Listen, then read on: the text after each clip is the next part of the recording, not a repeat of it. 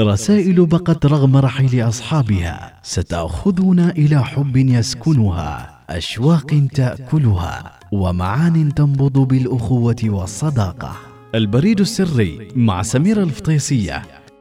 الرسالة اللي تركها الرئيس الأمريكي الراحل جورج بوش الأب لخلفه الرئيس الديمقراطي السابق بيل كلينتون في البيت الأبيض بعد فوز الأخير في الانتخابات الرئاسية عام 1992 في عام 1993 لفتت الرسالة اللي تركها الجمهوري جورج بوش الأب لخلفه الديمقراطي بيل كلينتون الأنظار.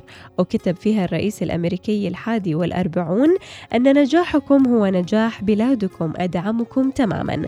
في تصريح يعتبر نموذجا يحتذى في قبول الهزيمة بينما كان ترامب قد قال خلال مناظرة مع كلينتون أن لن يقبل نتائج الانتخابات إن لم تكن في صالحه. كانت رسالة جورج بوش في شهر يناير 1993 درسا عن الاعتراف بالهزيمة السياسية وتقبلها بصدر رحب. وكان نص الرسالة هو رسالة جورج بوش إلى بيل كلينتون. عزيزي بيل عندما دخلت إلى هذا المكتب شعرت بنفس شعورك الآن وهو الدهشة والاحترام مثل ما شعرت به منذ أربع سنوات.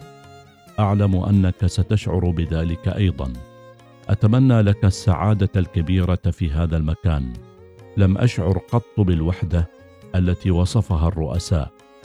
سيكون هناك أوقات صعبة للغاية أكثر صعوبة مما تتخيل بسبب الانتقادات التي ستتعرض لها. وقد لا تعتقد أنها غير صحيحة.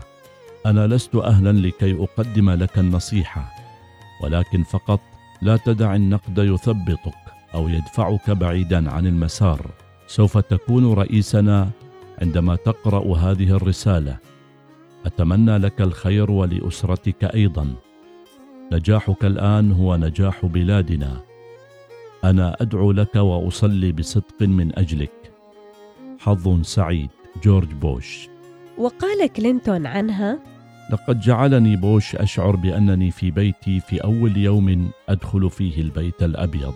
توفي الرئيس الأمريكي الأسبق جورج بوش عن عمر يناهز 94 عام ليصبح أكبر الرؤساء عمرا على مدى تاريخ الولايات المتحدة. وعلى الرغم من قيادته لحرب الخليج الأولى المعروفة بعملية عاصفة الصحراء على العراق مما أكسبه الكثير من الخصوم الدوليين ألا أن خصومها السياسيين لطالما أظهروا لها الكثير من الاحترام والتقدير. البريد السري مع سميرة الفطيسية. يأتيكم في الأوقات التالية. التاسعة وخمس وأربعين دقيقة صباحا. الثانية عشر وعشرين دقيقة ظهرا. الخامسة وخمس وعشرين دقيقة عصرا. الواحدة وخمس دقائق صباحا.